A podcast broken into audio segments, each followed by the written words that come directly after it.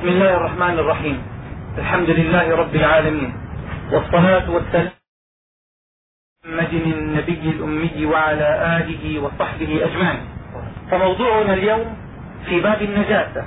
وقد تكلمنا على تعريفها لغة واصطلاحا في بداية هذا الكتاب عند الكلام على الطهارة. وهي لغة كل ما يستقدر.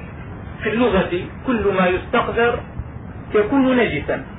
ولكنها في الشرع هي مستقدر يمنع من صحة الصلاة.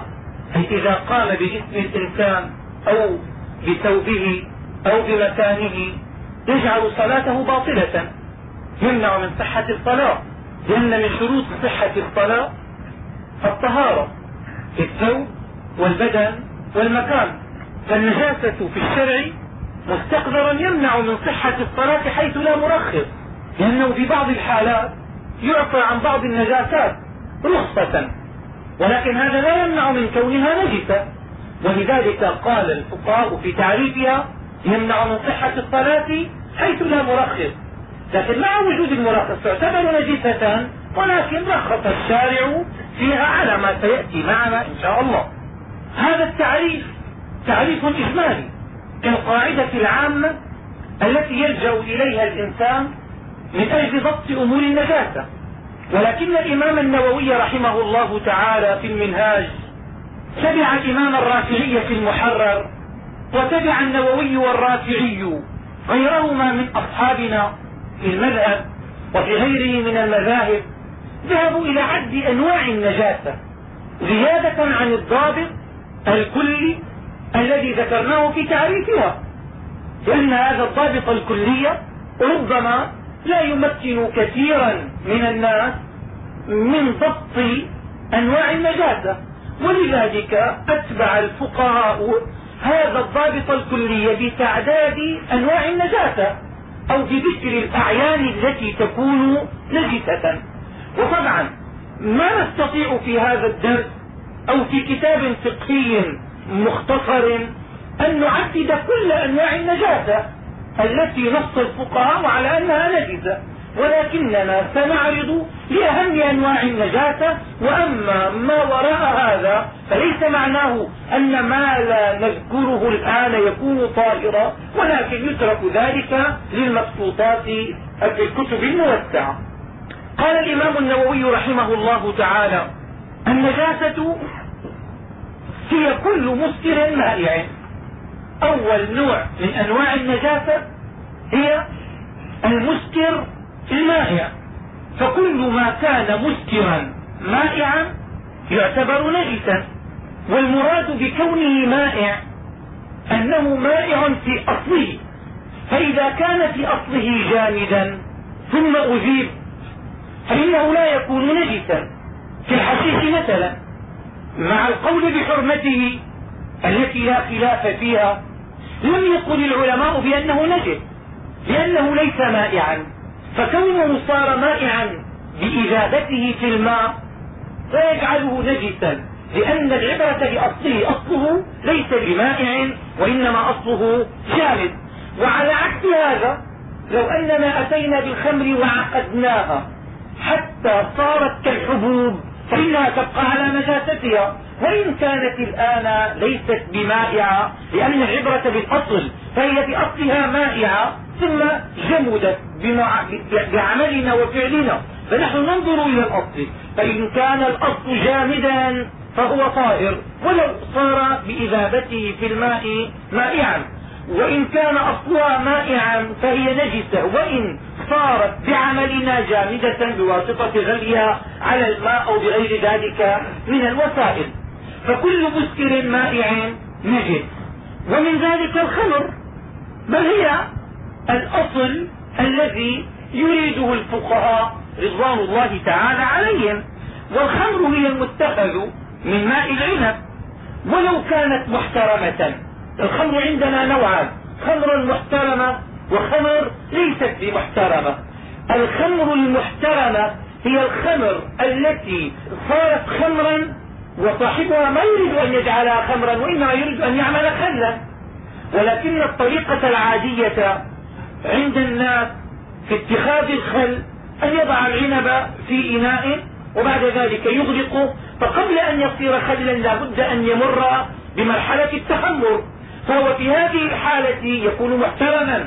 ما يجوز لنا إراقته ويجوز لنا فعله لأننا لم نقصد بذلك أن نصنع الخمر وإنما قصدنا بذلك صنع الخل. فهذه الخمر محترمة لكن مع كونها محترمة يعني يجوز فعلها لأنها لم تقصد لذاتها مع ذلك هي نجسة ففيما لو انكسر الإناء وخرجت الخمر منه فإنها نجسة تنجس كل مكان أصابته. كونها محترمة بمعنى أن صاحبها لا يكون آثما في صنعها لأنه لم يقصدها لذاتها وبمعنى أنه لا يجب علينا إراقتها ولا يجوز لنا إراقتها على الآخرين.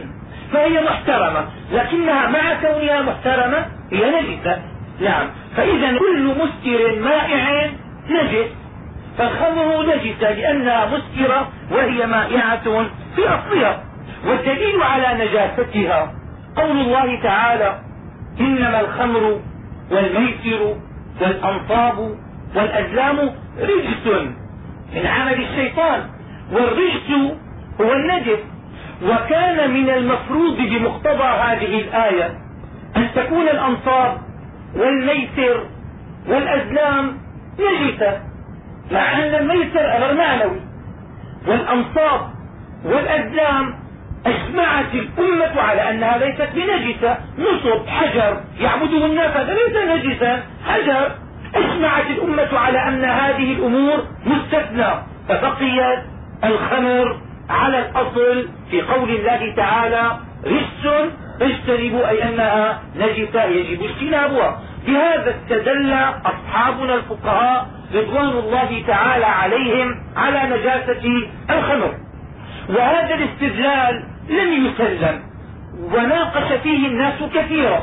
وقد نقل بعض الفقهاء الإجماع على نجاستها إلا أن هذا النقل ليس بسليم لأن ربيعة الرأي شيخ الإمام مالك رضي الله تعالى عنه ذهب إلى طهارتها ولذلك قال الفقهاء مراد الإمام ابن المنذر في نقله للإجماع على نجاسة الخمر أن الإجماع كان من قبل الصحابة رضوان الله تعالى عليهم. وعلى افتراض الطعن في هذا كما قال الإمام النووي فقد اتفقت المذاهب الإسلامية على القول بنجاسة الخمر. قال الإمام النووي رضي الله تعالى عنه لعل الدليل الأسلم الذي يمكن لنا أن نعتمد عليه ونركن إليه أن الفقهاء حكموا بتنجيسها للتنفير منها. فنحن أولا نستدل بهذه الآية. إنما الخمر والميسر والأنصاب والأزلام رجس من عمل الشيطان. طبعا سيقول لنا قائل الأصنام ليست نجسة. إذا كان الأمر نجاسة معنوية يعني الأنصاب نجاسة معنوية والأزلام نجاسة معنوية والميسر نجاسة معنوية يجب أن تكون الخمر أيضا نجسة نجاسة معنوية والنجاسة المعنوية ما تقتضي النجاسة الحسية. فلا نحكم بنجاسة الخمر حسا أو شرعا. وإذا كان المراد بالنجاسة النجاسة الحسية فيجب أن تكون الأنصاب والأزلام والميسر نجستان حسا وقد اجمعت الأمة على عدم نجاسة هذه الأمور. فماذا نعمل في هذه الحالة؟ هذه المسألة ترجع إلى مسألة أصولية أخرى ألا وهي أن المشترك اللفظ المشترك الذي يطلق على معنيين هل يجوز استعماله في معنييه معا؟ فالذي ذهب إليه جماهير الأصوليين وعلى رأسهم إمامنا الشافعي رضي الله تعالى عنه أنه يجوز أن يستعمل المشترك في معنييه معا كما أنه يجوز أن يستعمل اللفظ في معناه الحقيقي ومعناه المجازي معا.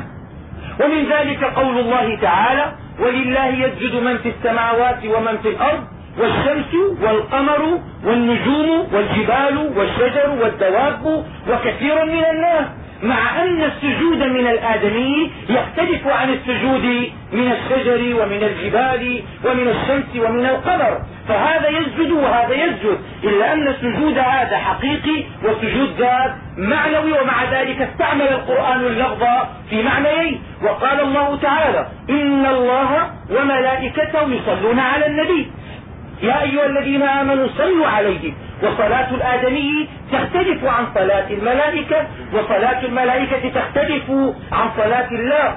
والصلاة من الآدمي الدعاء والصلاة من الملائكة استغفار والصلاة من الله الرحمة.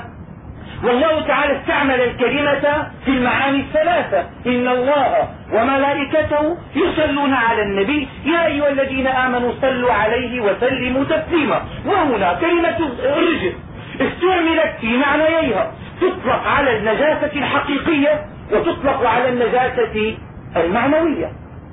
تستعمل حقيقة في الخمر. إنما الخمر والميسر والأنصاب والأزلام. فالخمر نجسة حسا نجسة شرعا نجاسة حقيقية وأما بالنسبة للميسر والأنصاب والأزلام فنجاستها نجاسة معنوية وأما في الحس فهي طاهرة بإجماع العلماء. ومما استدل به أصحابنا رضوان الله عليهم على نجاسة الخمر أن الله سبحانه وتعالى امتن على المؤمنين يوم القيامة بأنه سيسقيهم شرابا طهورا. قال الله تعالى وسقاهم ربهم شرابا طهورا أي طاهرا. فامتن عليهم بهذا وهذا إشارة إلى ما كان في الدنيا من شرابهم من أنه نجس امتن عليهم بنقيض ما كان عندهم في الحياة الدنيا. وقيس بالخمر كل ما سوى مما هو مسكر. سواء كان مسكرا بالفعل أم كان مسكرا بالقوة. ومن هذا القبيل ما يستعمله الناس الآن من الكولونيا. نحن نعلم أن العلة التي من أجلها صارت الخمر مسكرة هي المادة الكحولية الموجودة فيها. فإذا زلت منها زال منها الإسكار. فالإسكار بسبب هذه المادة. بسبب هذه المادة صارت الخمر مسكرة. مع أنها ليست كلها من الكحول وإنما هي كحول وماء وعناصر أخرى. فإذا ما جرد الكحول وحده صار مسكرا من باب أولى وصار نجسا من باب أولى. وهذه الروائح التي نستعملها اليوم الكولونيا وما أشبهه بالأسماء المختلفة لها إذا كانت كحولا وضع فيه شيء من العطر فهذه نجسة من باب أولى. إذا كانت الخمر لوجود المادة الكحولية فيها صارت نجسة فإذا تجردت المادة الكحولية فمن باب أولى أنها تكون نجسة. ولذلك يجب علينا أن نحتاط في هذا الأمر. بخلاف العطور الزيتية التي وضع فيها شيء من الكحول من أجل تمييزها فقد ذهب بعض الفقهاء إلى جواز هذا من أجل احتياج العطر إليه. ولكن الكولونيا على خلاف هذا هي كحول وجد فيه شيء من العطر لتغيير رائحته.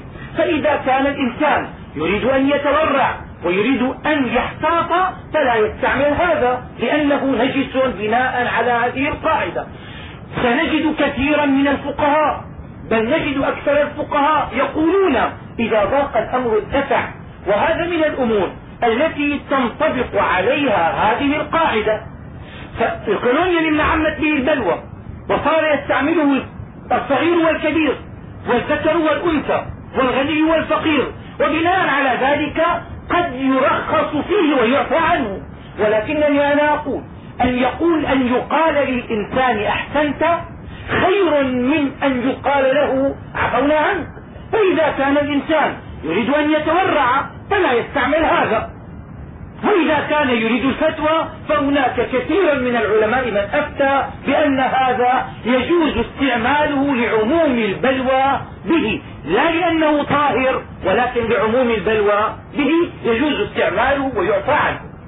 ومن النجاسات الكذب. ولو كان معلما بالصيد نجد بخبر مسلم رضي الله تعالى عنه طهور إناء أحدكم إذا ولغ فيه الكلب أن يغسله سبع مرات أولاهن بالتراب.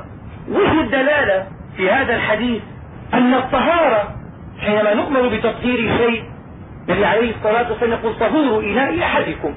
ومرنا بالطهارة. التطهير يكون لأحد أمور ثلاثة. إما أن يكون بحدث الطهارة إما أن تكون بحدث وإما أن تكون لنجس أو خبث وإما أن تكون تكرمة. والإناء إذا ولغ فيه الكلب ففيه حدث الإناء لا يحدث.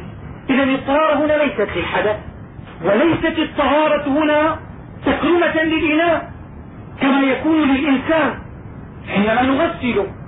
إذا فتعين أن تكون الطهارة للنجاسة. إذا أمرنا بتكثير شيء إما أن تكون الطهارة بحدثه فحدث فيجب عليه أن يتطهر. وإما أن تكون الطهارة لأنه نجس. وقعت عليه نجاسة فأمرنا بتطهيره. وإما أن, أن يكون تطهيره تكرمة له. النبي عليه الصلاة والسلام قال طهور إناء أحدكم. نريد أن نطبق هذه القاعدة على هذا الحديث. لنبحث. هل أمرنا بغسل الإناء لأنه أحدث الإناء ما يحدث هل أمرنا بغسل الإناء تكرمة له؟ لا تكرمة له. إذا فتعين أن يكون الأمر بتطهيره لأنه نجس ولذلك قال الأئمة أو جماهير الفقهاء رضوان الله تعالى عليهم إذا ولغ الكلب في الإناء صار نجسا لنجاسة الكلب لنجاسة الكلب. ولذلك ذهب الجمهور الأعظم من الفقهاء إلى أن الكلب نجس العين لأنه ينجس الإناء. فلو لم يكن نجسا لما نجس الإناء. والنبي صلى الله عليه وسلم أمرنا بأن نغسل الإناء إذا ولغ فيه الكلب. أي أمرنا أن نغسل الإناء من فم الكلب مع أن فم الكلب من أطيب أجزائه رائحة بل هو من أطيب أصوات الحيوانات رائحة على الإطلاق لكثرة لهثانه لأنه يلهث دائما ففمه ما توجد فيه رائحة. فإذا كان فمه وهو أطيب أجزائه نجسان فغيره من الأجزاء نجس من باب أولى. إذا فالكلب كله نجس فمه وكل جزء من أجزائه في حياته وبعد موته. وقد روى الدار قطني والحاكم أن النبي صلى الله عليه وسلم دعي إلى دار قوم فأجاب ثم دعي إلى دار أخرى فلم يجب. فقيل له في ذلك أي سأله الناس في هذا لماذا أجبت الداعي الفلاني ولم تجب الداعي الآخر؟ فقال صلى الله عليه وسلم إن في دار فلان كلبا. قيل له وإن في دار فلان هرة. الذي أجبته في داره هرة. لماذا لم تجب الذي في داره كلب وأجبت الذي في داره هرة؟ فقال صلى الله عليه وسلم إنها ليست بنجسة. هذا إشارة إلى أن البيت الآخر الذي فيه الكلب أن هذا الكلب نجس وهذه الدلالة واضحة. فإذا كان الحديث الأول الدلالة فيه مجملة فهذا الحديث الدلالة فيه واضحة. علل النبي صلى الله عليه وسلم عدم دخول البيت الذي فيه الكلب. ودخول البيت الذي فيه الهرة لأن الهرة ليست بنجسة وهذا يشير إلى أن الكلب نجس ولذلك لم يدخل النبي صلى الله عليه وسلم ذلك البيت مع علل أخرى ذكرت في أحاديث أخرى. إذا النجس الأول هو كل مسكر مانع النجس الثاني هو الكلب والثالث هو الخنزير. ذهب جماهير الفقهاء إلى أن الخنزير نجس. لماذا؟ قال لأنه أسوأ حالا من الكلب. الكلب يستعمل في بعض الحالات. يستعمل في الصيد يجوز استعماله. يجوز استعماله للماشي لحراسة الماشي. يجوز استعماله لحراسة الزرع. يجوز استعماله لحراسة البيت. يستعمل في الصيد والحراسة. ولكن الخنزير ما ينتفع به أبدا. فإذا كان الكلب الذي ينتفع به في بعض الأمور نجسا الخنزير الذي لا ينتفع به في أي من الأمور أبدا يكون نجسا من باب أولى لأنه أسوأ حالا من الكلب وقال تعالى أو لحم خنزير فإنه رجس أي أنه نجس. والنجاسة ليست مختصة بلحمه وإنما هي عامة بلحم الخنزير وشحمه وكل جزء من أجزائه كما قلنا ذلك في الكلب لا فرق بين اللحم والشحم مطلقا. على ما ذهب إليه جمهور الفقهاء. فيحرم الكلب الكلب نجس والخنزير نجس وما تولد منهما أي من الكلب والخنزير كلب وكلبة أو خنزير وخنزيرة أو من أحدهما مع حيوان طاهر من خنزير وحيوان طاهر أو خنزيرة وحيوان طاهر من كلب وحيوان طاهر أو كلبة وحيوان على افتراض وقوعه على افتراض وقوعه في بعض الأنواع الحيوانية. هناك بعض الأنواع من الحيوانات. ولو تناكحت ما تتناسل ما تنجب. وهذا أمر معروف علميا. وهناك بعض الحيوانات مع اختلاف أنواعها إذا تناكحت تنجب. فالفرس قد تلد بغلا. يكون هناك بعض الأنواع من الحيوانات مع اختلاف أنواعها تنجب وتتناسل فعلى افتراض وقوعه من كلب وخنزيرة على افتراض وقوعه. أو خنزيرة وكلب فهذا نجس لا خلاف فيه. الكلب في نوعه نجس والخنزير في نوعه نجس. الخنزير مع حيوان طاهر نجس والكلب مع حيوان طاهر نجس. الكلب نجس والخنزير نجس وما تولد منهما أو من أحدهما مع حيوان طاهر يكون نجسا. وذلك لأن الفرع يتبع أحد أبويه إما أن يتبع أمه وإما أن يتبع أباه. ويختلف ذلك باختلاف المسائل. فبالنسبة للنسب الفرع يتبع يتبع أباه. بالنسبة للنسب يتبع الفرع أباه فينسب إلى أبيه. قال الله تعالى ادعوهم لآبائهم. وأما بالنسبة للرق والحرية فإنه يتبع أمه. بالنسبة للرق والحرية يتبع أمه. فإذا كانت أمه رقيقة وكان أبوه حرا فإنه يكون رقيقا. وبالنسبة للدين يتبع أشرف الأصلين. بالنسبة للدين يتبع أشرف الأصلين. فإذا كان الأب مسلما والأم نصرانية فإنه يتبع أباه يتبع أشرف الأصلين بالنسبة إلى الدين وبالنسبة للزكاة في وجوبها وعدم وجوبها يتبع أخفهما في إيجاب الزكاة عليه. وبالنسبة للنجاسة فإنه يتبع أخف الأصلين احتياطا.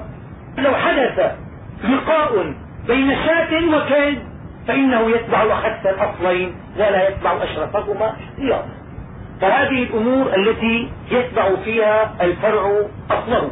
بالنسبة للنسب يتبع الأب بالنسبة للرق والحرية يتبع الأم بالنسبة الدين يتبع أشرف الأصلين بالنسبة لعدم وجوب الزكاة أو وجوبها يتبع أخف الأصلين في هذا وبالنسبة للطهارة والنجاة يتبع أخف الأصلين. فإذا كان أخسهما نجسا فإنه يكون نجسا. فالنجاسات إذا إلى الآن كل مسكر مائع الكلب الخنزير وما تولد منهما أو من أحدهما مع حيوان طاهر. وكذلك الميتة. ميتة غير الآدمي والسمك والجراد تعتبر نجسة. ميتة غير الآدمي. قال الله تعالى حرمت عليكم الميتة والتحريم يكون لأمور إما أن يكون للحرمة وإما أن يكون للاستقذار وإما أن يكون للضرر وإما أن يكون للنجاسة. يحرم على الإنسان أن يتناول الأشياء لأمور الأربعة إما لحرمتها كالآدمي. يحرم علينا أكل الآدمي لا لأنه نجس ولكن لحرمته. يحرم علينا أكل المخاط مثلا لا لنجاسته ولكن لاستقذاره لا لحرمه ولكنه مستقذر فيحرم أكله. يحرم أكل السم لضرره فيحرم على الإنسان تناول الأشياء بأمور الأربعة إما للحرمة وإما للاستقذار وإما للضرر وإما للنجاسة. والله حرم علينا الميتة. هل حرم علينا الميتة لحرمتها؟ لا ليست كالآدم. هل حرمها لاستقذارها فقط؟ لا. لضررها؟ قد لا تكون مضرة والعالم اليوم يأكل الميتة ولا يتضرر. إذا فلم يبق إلا لأنها نجسة. عندنا قاعدة عامة تحريم ما ليس بمستقدر ولا محترم ولا ضرر فيه يدل على نجاسته. لأن التحريم يكون لهذه الأمور الأربعة فإذا انتفت الثلاثة تعين عندنا الرابع ألا وهو النجاسة. حرمت عليكم الميتة أي لأنها نجسة. وما هي الميتة؟ قال الميتة هي التي زالت حياتها لا بذكاة شرعية. زالت حياتها لا بذكاة شرعية. فإذا خلقت ميتة لأنها زالت حياتها لا بزكاة شرعية. نقلت ميتة. المتردية ميتة. النصيحة ميتة. ما أكل السبع ميتة. وهذه نص عليها القرآن. ما ذبحه المجوسي وإن قطع عنقه لكن الذبح ليس شرعيا لأن من شروط الزكاة الشرعية الزكاة الشرعية أن يكون الذابح مسلما أو كتابيا ممن أجاز الله لنا أن نأكل ذبيحته. وكذلك ما ذبح بالعظم ما يكون طاهرا وإنما يكون نجسا. فالميتة هي كل حيوان زالت حياته بزكاة غير شرعية وهذا الشرط أن يكون مما يذكر. فإذا كان الحيوان لا يذكى أصلا كالحمار مثلا لو ذبح إنسان حمارا ما يصير طاهرا ولو كان الذبح على صورة الزكاة الشرعية يعني قطع حلقومه وقطع مريئه وقطع الوجيجين وكان مسلما مع ذلك ما يصير مزكى زكاة شرعية لأنه لا زكاة له لأنه مما لا يؤكل. فإذا الميتة هي كل حيوان مات حتف أنفه سواء كان مأكولا أو كان غير مأكول. الشاة لو ماتت حتف أنفها تكون نجسة. الدجاج لو مات حتف أنفه يكون نجسا. وهذا بالنسبة للذي مات حتف أنفه. وأما ما ذبح إما أن يكون مأكولا وإما أن لا يكون مأكولا. فإذا كان مأكول اللحم فهو طاهر. وإذا لم يكن مأكولا ولو ذبح على هيئة الذبح الشرعي فإنه يكون نجسا ولا يصير طاهرا. فإذا الميتة هي كل حيوان إما أنه لا يؤكل ولو ذبح على شكل الذبح الشرعي أو أنه كان حيوانا مأكولا وزالت حياته بغير الزكاة الشرعية. عند ذلك يكون نجسا. فكل ميتة تكون نجسة. إذا حكمنا على حيوان بأنه نجس حكمنا بالنجاسة على لحمه وعلى دمه وعلى عصبه وعلى عظمه وعلى صوفه وعلى شعره وعلى وبره وعلى كل جزء من أجزائه لأن هذه الأجزاء تتبع الحيوان في طهارته ونجاسته. وأما الآدمي نحن قلنا الميتة غير الآدمي والسمك والجراد. أما بالنسبة للآدمي لقوله تعالى ولقد كرمنا بني آدم والقول بنجاسة ميتة الآدمي تنافي تكريمه. تكريم بني آدم يقتضي أن يكون طاهرا حيا وميتا. وأما قوله تعالى يمكن أن يعترض علينا بقول الله تعالى إنما المشركون نجس حكم الله عليهم بأنهم نجس قال العلماء بالاتفاق المراد بالنجس هنا نجس العقيدة. أي أن عقيدتهم نجسة وأما ذواتهم فإنها طاهرة. ولذلك كان رسول الله صلى الله عليه وسلم يصافحهم ويجلس معهم ويجلسون في بيته وجلسوا في المسجد. وشرب رسول الله صلى الله عليه وسلم من جر نصرانية وكانوا يؤكلونهم ويشاربونهم. فهذا دليل على أن النجاسة نجاسة معنوية وأما ذواتهم وأبدانهم فإنها طاهرة. وأما ما رواه الحاكم من قول النبي صلى الله عليه وسلم لا تنجسوا موتاكم فإن المسلم لا ينجس حيا ولا ميتا. هذا هو النبي صلى الله عليه وسلم يعين المسلم يقول إن المسلم لا ينجس حيا ولا ميتا. معنى هذا أن الكافر ينجس. وقد قلت لكم أنا في غير هذا الدرس مرات كثيرة إن مفهوم المخالفة يعمل به بشروط ستة من جملة هذه الشروط ألا يكون الكلام قد جرى مجرى الغالب. والنبي عليه الصلاة والسلام هنا يتكلم على واقعة معينة يتكلم على الغالب لأنه يخاطب المسلمين فقال إن المسلم لا ينجس حيا ولا ميتا فلا يعمل بمفهوم المخالفة هنا باتفاق العلماء. مفهوم المخالفة معطل في هذا الحديث. واما السمك والجراد. فللإجماع على طهارتهما أجمع العلماء على طهارتهما لقول النبي صلى الله عليه وسلم أحلت لنا ميتتان ودمان السمك والجراد والكبد والطحال. ولقوله صلى الله عليه وسلم في البحر هو الطهور ماؤه الحل ميتته. فعلى أي كيفية مات السمك فإنه يجوز أكله. فاذا النجاسة كل مسكر مائع الكلب الخنزير ما تولد منه ماء من أحدهما مع حيوان طاهر الميتة ويستثنى من الميتة الآدمي ويستثنى السمك ويستثنى الجراد. ومن النجاسة الدم. ولو كان متحلبا من الكذب أو كان متحلبا من الطحال لقوله تعالى حرمت عليكم الميتة والدم. والمراد بالدم هو المسفوح لقوله تعالى أو دما مسفوحا أو لحم خنزير فإنه رجس.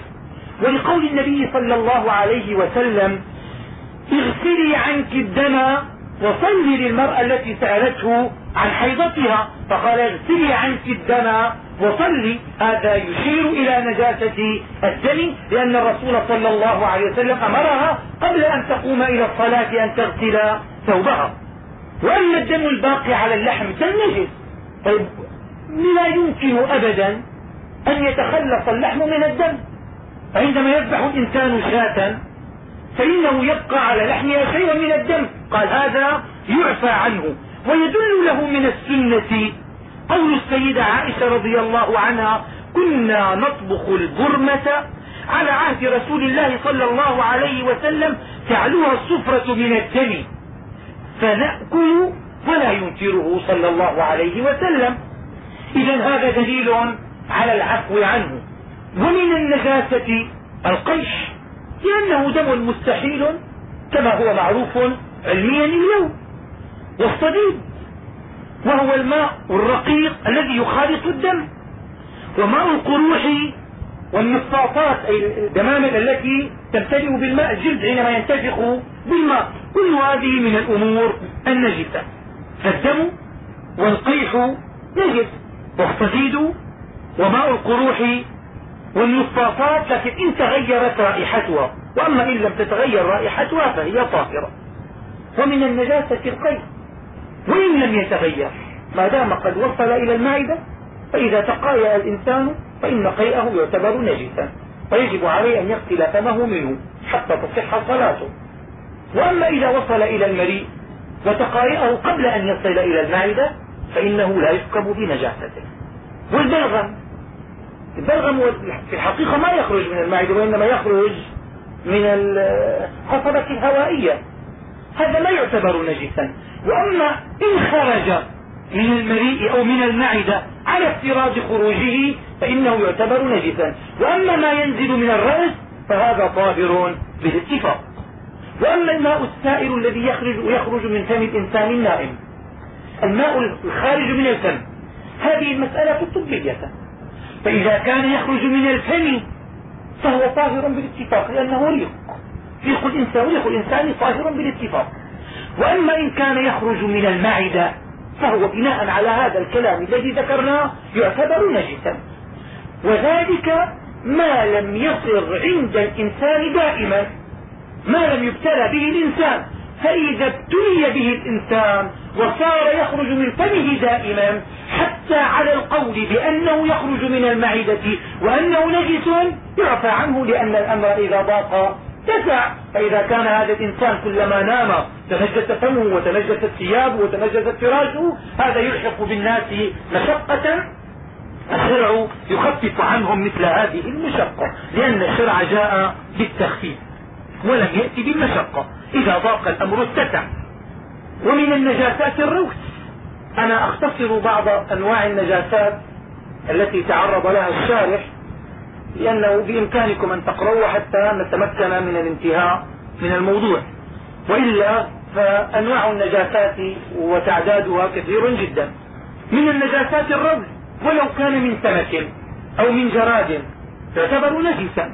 لما روى البخاري أنه صلى الله عليه وسلم لما جيء له بحجرين وروث ليستنجي وقد ذكرنا هذا عند الكلام على الاستنجاء لما جيء له بحجرين وروثة ليستنجي بها أخذ الحجرين ورد الروثة وقال هذا ركس ركس أي أنه نجس ومن النجاسات البول لأن الأعرابي حينما بال في مسجد النبي صلى الله عليه وسلم أمر رسول الله صلى الله عليه وسلم أصحابه أن يريقوا عليه ذنوبا من ماء من أجل تطهيره فيما رواه البخاري ومسلم وغيرهما. ولقوله صلى الله عليه وسلم في حديث القبرين حينما مر على رجلين يعذبان في قبريهما قال النبي صلى الله عليه وسلم أما أحدهما فكان لا يستنزه من البول. رواه مسلم. وقيس به سائر الأبوال. بول الحيوانات التي يؤكل لحمها والحيوانات التي لا يؤكل لحمها على خلاف للفقهاء في هذه المسألة. وأما أبوال الإبل هل هي نجسة كنجاسة بول الآدمي؟ قال نعم هي نجسة كنجاسة بول الآدمي. قال طيب كيف أمر النبي صلى الله عليه وسلم العرنيين بشرب أبوال الإبل؟ قال أمر النبي صلى الله عليه وسلم في القصة المعروفة حينما جاء العرنيون إلى المدينة. أمرهم النبي صلى الله عليه وسلم بشرب أبوال الإبل من أجل التداوي. والتداوي عندنا جائز بالنجس إذا تعين ولم يوجد عندنا أمر طاهر نداويه به. فإن قيل لنا لماذا إذا تحرمون التداوي بالخمر؟ لأنها نجسة. قلنا لم يحرم التداوي بالخمر لأنها نجسة ولكن لأن النبي صلى الله عليه وسلم لم يجعل شفاء أمته فيما حرمه عليها. فالتداوي بالخمر شيء والتداوي بالنجاسة شيء آخر. إذا تعينت النجاسة للدواء ولم يوجد سواها من الطاهرات جاز لنا أن نستعمل النجاسة في التداوي. على خلاف الخمر وإن تعينت ذهب كثير من الفقهاء إلى أنه لا يجوز استعمالها لأن النبي صلى الله عليه وسلم لم يجعل شفاء أمته فيما حرمه عليها. ومن النجاسة المزي وهو ماء أبيض رقيق يخرج عقب ثوران الشهوة عند الرجل أو المرأة. والودي والدليل عليه ما رواه البخاري ومسلم في قصة علي بن أبي طالب التي لا تخفى عليكم حينما سأل النبي صلى الله عليه وسلم بعث إليه على ما اعتقد المقداد. قال كنت رجلا مذاء فاستحييت أن أسأل رسول الله صلى الله عليه وسلم بمكان ابنته مني فبعث المقداد ليسأل رسول الله فسأله عن المدي فأمره النبي صلى الله عليه وسلم أن يغسل ذكره وأن يتوضأ فهذا دليل على نجاسة المدي والودي كذلك الودي هو ماء أبيض كدر ثخين يخرج إما عقب البول وإما يخرج عقب حمل شيء ثقيل أو عقب التعب. فالمري والودي يعتبران نجسين. ومن النجاسة مني غير الآدمي. أما مني الآدمي فقد تكلمنا عنه حينما تكلمنا على الوضوء. مني الآدمي طاهر لأنه أصل الإنسان. فإذا كان الإنسان طاهرا فأصله طاهر من باب أولى. كيف نحكم على الإنسان بأنه طاهر مع أن أصله نجس؟ ما يتفق هذا. ولذلك ذهب أصحابنا رضوان الله عليهم إلى أن مني الآدمي طاهر وليس بنجس. وأما مني غير الآدمي فالإمام الرافعي رحمه الله تعالى ذهب إلى أن مني غير الآدمي نجس. كسائر المستحيلات في باطن الإنسان. إلا أن الإمام النووي رحمه الله خالف الإمام الرافعي في هذه المسألة. وهي من المسائل التي خالف بها الإمام النووي الرافعية فمن كان يتتبع هذه المسائل فليذكر هذه المسألة. قال الإمام النووي رحمه الله تعالى قلت الأصح طهارة مني غير الكلب والخنزير وفرح أحدهما. بناء على طهارة الحيوان نحن نحكم بطهارة الشاة نحكم بطهارة الحصان نحكم بطهارة الحيوانات ما دامت حية سوى الكلب والخنزير وما تولد منهما أو من أحدهما مع حيوان آخر طاهر. فكما حكمنا على طهارة مني الإنسان بطهارة الإنسان نحكم على طهارة بقية الحيوانات بطهارة أعيانها. فذهب الإمام النووي إلى أن طهارة مني غير الكلب والخنزير وما تولد منهما أو من أحدهما مع حيوان طاهر مخالفا بذلك الإمام الرافعي رضي الله تعالى عنهما جميعا. وأما بالنسبة لمني الإنسان فقد روى البخاري ومسلم عن السيدة عائشة رضي الله تعالى عنها أنها كانت تحك المني من ثوب رسول الله صلى الله عليه وسلم ثم يصلي فيه ولم تغسله بالماء. كانت تحك أي بعد أن يجف.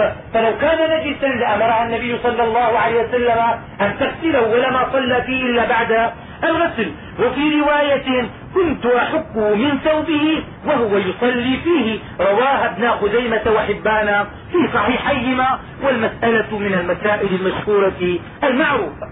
ومن النجاسات لبن ما لا يؤكل لحمه لبن الأتان لبن اللبؤة لبن الكلب والخنزير.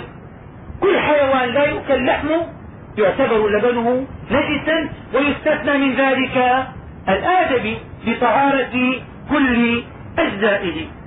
إذ لا يليق بكرامة بني آدم أن يكون منشأه نجسا أو يكون ما يغتدي به نجسا. وكل جزء انفصل من حيوان كل جزء انفصل من حيوان يعطى حكم ميتته. كل جزء انفصل من حيوان يعطى حكم ميتته. فإذا كانت ميتته نجسة فيكون هذا الجزء المنفصل نجسا وإذا كانت ميتته طاهرة يعتبر هذا الجزء طاهرا. فإذا انفصلت يد الإنسان تعتبر طاهرة لأن ميتة الإنسان طاهرة عندنا. وإذا انفصل جزء من الجراد قطعت رجل الجرادة وهي حية ميتة الجراد طاهرة إذا رجلها الآن طاهرة. انفصل جزء من السمكة يعتبر هذا الجزء طاهرا لأن ميتة السمك طاهرة وإذا انفصل جزء من شاة مثلا قطعنا إلية خروف. قد يعتبر نجسا. تعتبر هذه القطعة نجسة لأن ميتة هذا الحيوان نجسة. خروف إذا مات يصير نجسا. فالجزء المنفصل من الحي كميتته إذا قطعنا جزءا من حصان يكون هذا الجزء نجسا لأن ميتة الحصان نجسة. إذا قطعنا جزءا من حمار. يكون هذا الجزء نجسا لأن ميتته نجسة. إذا قطعنا جزءا من أي حيوان تعتبر ميتته نجسة فهذا الجزء نجس. وبناء على ذلك ينجس الشعر الذي عليه وينجس الصوف الذي عليه وينجس الوبر الذي عليه. قد يقال لنا بناء على هذه القاعدة إذا قطعنا صوف الغنم يجب أن يكون صوفها نجسا لأن المأخوذ من الحي كميتته. وإذا قطعنا وبر الجمال ينبغي أن يكون وبرها نجسا لأن ميتتها نجسة فإذا الوبر المأخوذ منها نجس. وإذا أخذنا ريش الدجاج يجب أن يكون ريشه نجسا لأن ميتة الدجاج نجسة. قلنا بناء على هذه القاعدة نعم تدخل هذه الأجزاء تحت هذه القاعدة ولكن هذه الأجزاء الثلاثة الصوف والوبر والشعر قد استثنيت بإجماع العلماء لقول الله تعالى ومن أصوافها وأوبارها وأشعارها أثاثا ومتاعا إلى حين امتن الله تعالى على بني آدم لأنهم يستعملون أصواف الغنم وأوبار الجمال وأشعار الحيوانات الأخرى قال هذا مستثنى من القاعدة. الصوف والريش والوبر ومن أصواتها وأشعارها وأوبارها أثاثا ومتاعا إلى حين. فإذا كان الحيوان مأكول اللحم وأخذنا من ريشه أو من صوفه أو من وبره أو من شعره كالماعز مثلا فإن هذا جائز وطاهر باتفاق العلماء. مستثنى من القاعدة لهذه الآية الكريمة. ولكن لو قطعنا مثلا قطعة من الشاة وهي حية لا. لأن هذه القطعة تصير نجسة. لو قطعت ريشها مثلا الصوف الذي عليها يكون نجسا. لأن هذه القطعة صارت نجسة. لكن لو قطعنا الصوف وحده دون أن نقطع معه شيئا من الجلد فإنه يكون طاهرا لهذه الآية. إذا فالنجاسات الآن نستطيع أن نعدها بأنها كل مسكر مائع الكلب الخنزير ميتة غير الآدمي والسمك والجراد الدم القيء القيح الروث البول المذي الوجي. مني غير الآدمي عند الإمام الرافعي نجس عند الإمام النووي وهو المفتى به في المذهب والمعتمد أن مني غير الكلب والخنزير يكون طاهر فحصر النجاسة في المني في مني الكلب والخنزير وما تولد منهما أو من أحدهما. لبن ما لا يؤكل لحمه الجزء المنفصل من الحي إذا كانت ميتته نجسة فإنه يعتبر نجسا. ويستثنى من ذلك شعر المأكول فإنه طاهر. وكذلك صوف وريش ووبر. هناك أمور ليست بنجسة ولكن قد تشتبه على الناس ولذلك نص عليها الفقهاء. من هذه الأمور العلقة التي تعتبر أصلا للإنسان. فليست العلقة وهي الدم الغليظ المستحيل من الدم في الرحم ليست نجسة. وإذا لم تكن العلقة نجسة فالمضغة ليست بنجسة أيضا لأنها أيضا من أصل الإنسان والمضغة ليست بنجسة. قال الإمام النووي ورطوبة الفرش من حيوان طاهر ولو كان غير مأكول من آدمي أو غيره ليست بنجسة في الأصح العلقة والمضغة ورطوبة الفرج هذه الأمور الثلاثة ليست بنجسة في الأصح وأما كيفية تطهير النجاسة فسنتكلم عنه في الدرس القادم. صلى الله على سيدنا محمد وعلى آله وصحبه وسلم.